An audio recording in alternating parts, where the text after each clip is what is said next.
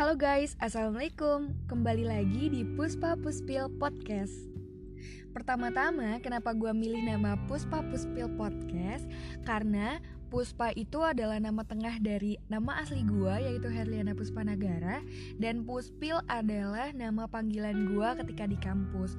Walaupun memang uh, orang-orang yang manggil nama gue Puspil itu cuma beberapa orang dan sebenarnya nama panggil gue itu cukup banyak kayak Herliana, terus ada Puspa, terus ada Puspil, Tutu, Lia dan segalanya dan gue milih Puspil sebagai nama podcast gue karena itu bisa dibilang cukup unik gitu dibandingkan yang lain lain. Makanya gue memilih Puspa Puspil Podcast sebagai nama podcast gue Di episode kali ini gue pengen menceritakan pengalaman gue ketika waktu di sekolah dulu.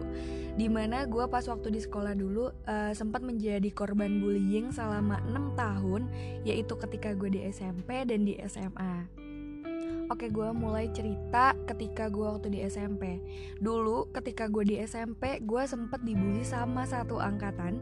Ini tuh bukan uh, satu kelas lagi atau satu geng lagi Tapi ini satu angkatan pada ngebully gue Pada mengkucilkan gue Sebenarnya memang uh, gak cukup banyak sih yang kayak bener-bener uh, ngebully gue secara fisik atau gimana. Cuman Eh, yang gue rasakan mereka itu kayak nginisin gue gitu. Padahal gue di sini posisi nggak tahu apa-apa dan nggak tahu persalah permasalahannya itu apa gitu kan usut punya usut ketika gue tanya sama orang-orang yang uh, notabene gak suka sama gue katanya mereka tuh ngedenger ada kabar kalau misalkan gue tuh begini gue tuh begitu. Jadi kayak seolah mereka tuh ngedenger kejelekan gue gitu.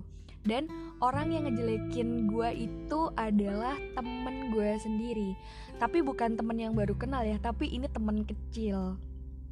Dan gue tanya langsung ke orangnya uh, dan dia bilang memang itu benar dia yang ngelakuin alasan dia yang ngelakuin kayak gitu karena uh, apa namanya dia nggak suka sama gue gitu ketika gue punya banyak temen gitu. Jadi dia berusaha untuk ngejelek-jelekin gue di depan orang banyak terus kayak ngejelek-jelekin gue seolah kayak memfitnah. Jadi ngejelek-jelekinnya tuh kayak misalnya gue uh, ngelakuin hal A padahal sebenarnya gue nggak pernah ngelakuin itu gitu. Jadi kayak seolah memfitnah dan ya gue difitnah dengan apa yang tidak pernah gue lakuin gitu dan ketika di fase di mana gue di uh, dibully selama tiga tahun itu sama satu angkatan itu gue pernah uh, dilabrak sama teman sekelas terus dilabrak sama kakak kelas terus udah gitu gue dulu juga pernah kayak kayak ngerem di kamar mandi gitu selama seharian dan gue ngelakuin itu dalam waktu uh, satu bulan gitu. Jadi gue ngelakuin kayak gitu tuh karena gue tuh takut gitu sama orang sama orang-orang yang uh, ngeliatin gue sini terus tiba-tiba datang marah-marah ke gue jadi gue tuh takut gitu. Dari situ gue sempet uh, kayak dipanggil BK dan orang tua gue juga dipanggil di BK karena uh, banyak guru-guru yang bilang katanya kalau misalkan gue itu nggak pernah masuk padahal sebenarnya gue tuh masuk gitu. Jadi gue datang ke sekolah gue datang ke sekolah bener-bener datang ke sekolah. Jadi gue cuma naruh tas terus setelah itu gue langsung ke kamar mandi gitu. Jadi uh, gue keluar itu keluar kamar mandi itu ketika udah waktunya jam pulang sekolah gitu. Sedih banget asli kalau diceritain tuh sumpah Terus ketika gue lulus SMP, gue berharap ketika gue SMA nanti gue mendapatkan kehidupan yang lebih baik lagi gitu kan. Nyatanya sama aja gitu, maksudnya uh, eh, gue mendapatkan cerita yang sama ketika gue waktu di SMP dulu gitu. Jadi kalau di SMA itu kan uh, jangkauannya tuh lebih kecil dibandingkan uh, pas waktu di SMP. Kalau di SMP itu kan kayak satu angkatan gitu terus ngucilin gue terus nggak suka sama gue bla bla bla. Kalau di SMA itu lebih uh, kecil jangkauannya tuh jadi kayak satu kelas doang gitu.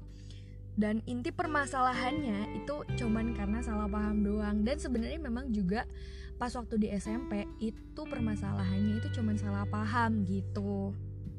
Nah uh, permasalahan ketika di SMA itu karena jadi gue tuh pernah satu bangku pernah punya temen uh, sebangku dia tuh orangnya kan kayak soft banget ya maksudnya perasa banget orangnya sedangkan gue tuh orangnya apa adanya gitu orangnya tuh terlalu belak belakan gitu dan dia tuh nggak suka ketika gue ngomong terlalu belak belakan gitu jadi dia berusaha lu tuh nggak uh, lu tuh jangan kayak gini gini nih ya udah gue terima gitu karena gue berpikir uh, dia baik gitu baik untuk uh, ngasih tahu gue biar gue memperbaiki diri gitu kan Cuman ketika gue sedang berusaha uh, untuk memperbaiki diri, dia malah makin ke sini tuh kayak makin ngejauh. Terus udah kayak gitu dia kayak ngomong-ngomong uh, gitu ke teman-teman yang lain, teman-teman kelas yang lain.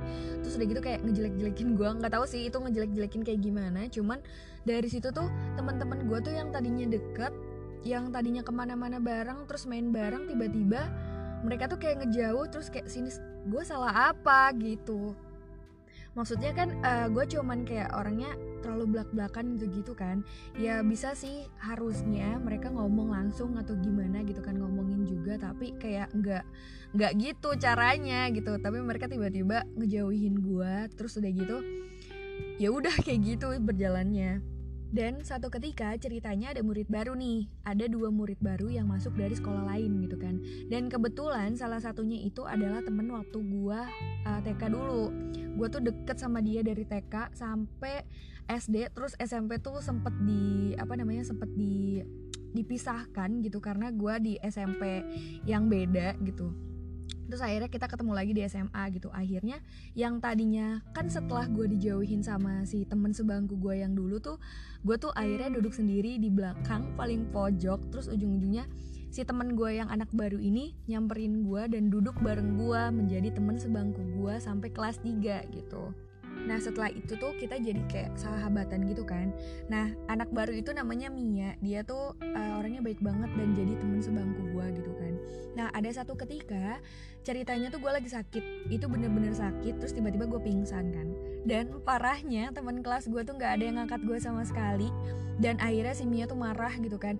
Sampai uh, sampai segitunya gitu. Akhirnya dia si Mia itu manggil temen-temennya yang di luar kelas terus ujung-ujung gue di apa namanya diangkat terus ke UKS gitu kan. Karena kebetulan UKS sama kelas gue dulu itu deket kan akhirnya gue di UKS nah di UKS itu gue nangis kayak nangis sekejar mungkin. Terus di situ kan ada guru BK juga. Gue gue sampai sempat bilang kayak gini eh pokoknya saya pengen pindah kelas pengen pindah kelas. Gue sih kayak yang dan itu tuh masih jelas banget uh, jelas banget di kepala gue waktu pas gue lagi di UKS tuh bener-bener kayak masih jelas banget gitu loh kejadiannya gitu di kepala gue nah uh, dari situ dari kejadian ketika gue di SMP dan di SMA itu ngaruh ke psikis gue gitu kan.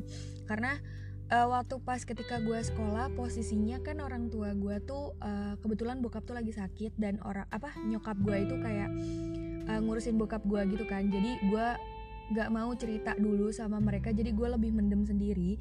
Cuman akhirnya karena gue terlalu banyak mendem permasalahan gue jadi ngaruh juga kan ke psikis gue gitu. Jadi setiap pulang sekolah tuh gue tiba-tiba suka nangis gitu-gitu.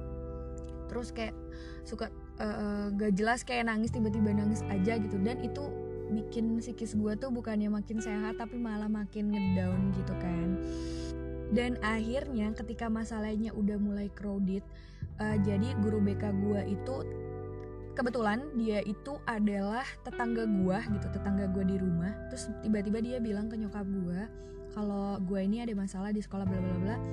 Dan dari situ nyokap gue langsung tahu kenapa uh, eh, gue alasan setiap pulang sekolah itu suka nangis gitu. Karena uh, nyokap gue tuh kan kerja. Terus karena bokap gue sakit bokap gue tuh kan sering di rumah. Walaupun dia uh, dia polisi tapi karena sakit jadi dia di rumah terus gitu kan.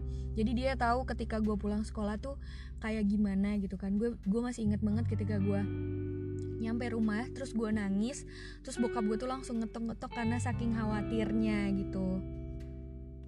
Dan dari situ uh, nyokap gue langsung kayak nanya-nanya gitu. Dan dari situ juga gue langsung kayak menceritakan semuanya sampai nangis sesenggukan dan orang tua gue sampai bilang minta maaf karena uh, tidak apa namanya tidak apa ya bukan peka sih bisa dibilang uh, kurang kurang kurang apa ya kurang menanyakan perihal gue ketika gue di sekolah gitu. Dan dari situ nyokap gue dan bokap gue kayak ngasih perhatian sedikit gitu kan mengenai kehidupan gue di sekolah gitu.